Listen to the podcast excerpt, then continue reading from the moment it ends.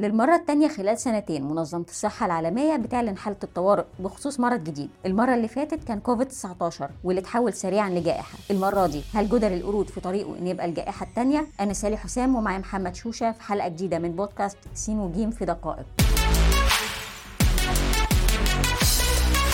يعني إيه حالة طوارئ صحية عالمية؟ الاسم الرسمي هنا هو حالة طوارئ الصحة العامة ذات الاهتمام الدولي أو BHEIC ودي إعلان رسمي من منظمة الصحة العالمية عن حدث استثنائي خطير مفاجئ غير عادي أو غير متوقع. اتحدد باعتباره خطر على الصحة العامة وبينتشر دوليا وبيشكل خطر على الدول اللي لسه ما رصدتوش. بالتالي لازم يكون في إجراءات دولية فورية لأن متوقع إن يكون له امتداد عالمي. عموما يعني في أمراض زي السارس والجدري وشلل الأطفال وأي نوع نوع من الإنفلونزا بتعتبر حالة طوارئ مفتوحة. دي ما بتبقاش محتاجة إعلان رسمي. كمان أي طارئ ناتج عن تسرب كيماوي أو مشع بيعتبر فورا حالة طوارئ. هل ده في حد ذاته إعلان عن خطورة المرض؟ بالتأكيد يعني لو المرض مش خطير مش هيعلن كحالة طوارئ عالمية لكنه ما بيبقاش بخطورة الوباء أو الجائحة طبعا. يعني نقدر نعتبره جرس إنذار أو دعوة للتعاون كخط أخير قبل ما نوصل لمرحلة التفشي العالمي. طيب والإعلان ده بيعتبر نادر؟ المفروض إن إعلان الطوارئ عموما مش حدث متكرر لكن من 2009 ل 2020 حصل خمس مرات في حالات إنفلونزا الخنازير وشلل الأطفال وإيبولا وفيروس زيكا وإيبولا كيفو. وفي آخر سنتين بس حصل مرتين أولها كانت كوفيد 19 اللي تحول لجائحة بعدين وحاليا جدر القرود. قلنا إن ده بيعتبر جرس إنذار. طب ليه فشل في حالة كوفيد 19 مثلا؟ هنا في مشكلتين حقيقيتين. الأولى التأخير ما بين حدوث الحالة الأولى من المرض وإعلان السلطات المحلية عن وجوده زي ما حصل مثلا مع الصين في كوفيد 19 الثانية التأخير بين اكتشاف المرض والإعلان عنه وبين الاعتراف بيه كمصدر قلق دولي. في حالة جدر القرود الجديدة مثلا إحنا بنتكلم عن أقل من شهرين فاتوا من وقت اكتشاف الحالة الأولى لحد دلوقتي. طيب مقارنة بكوفيد 19 هل إحنا رايحين ناحيه إغلاق جديد بعد الإعلان ده؟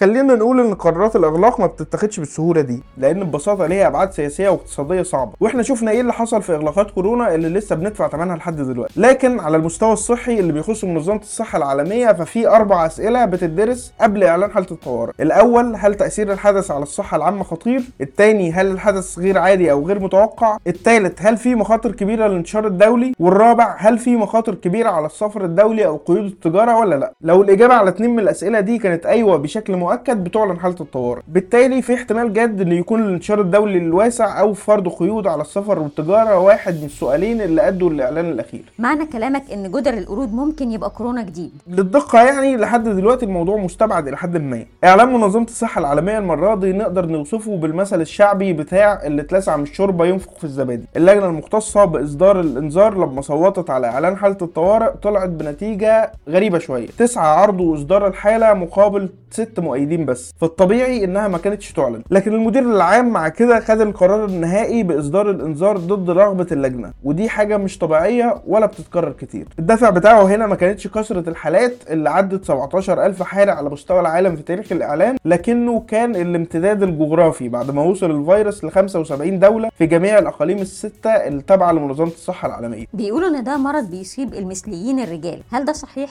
وهل لو كان مثلا الشخص ده مش مثلي فكده يبقى في أمان. الموضوع ده انتشر على الميديا بشدة فعلا لكن بحسب الإعلان الرسمي من منظمة الصحة العالمية فالحالات المسجلة من الرجال المثليين بشكل رئيسي. بس مش حصر. يعني في حالات اتسجلت بين غير المثليين ووصل لستات حوامل وأطفال. الخطورة اللي بيتكلم عنها خبراء الصحة العالمية هنا تحديدا إن حالات الإصابة المسجلة بين غير الرجال المثليين وإن كانت بسيطة لكنها في نفس ال track اللي خده فيروس نقص المناعة البشرية في أيامه الأولى. خلصت حلقتنا. كان معكم سالي حسام ومحمد شوشة في بودكاست سين وجيم في دقائق.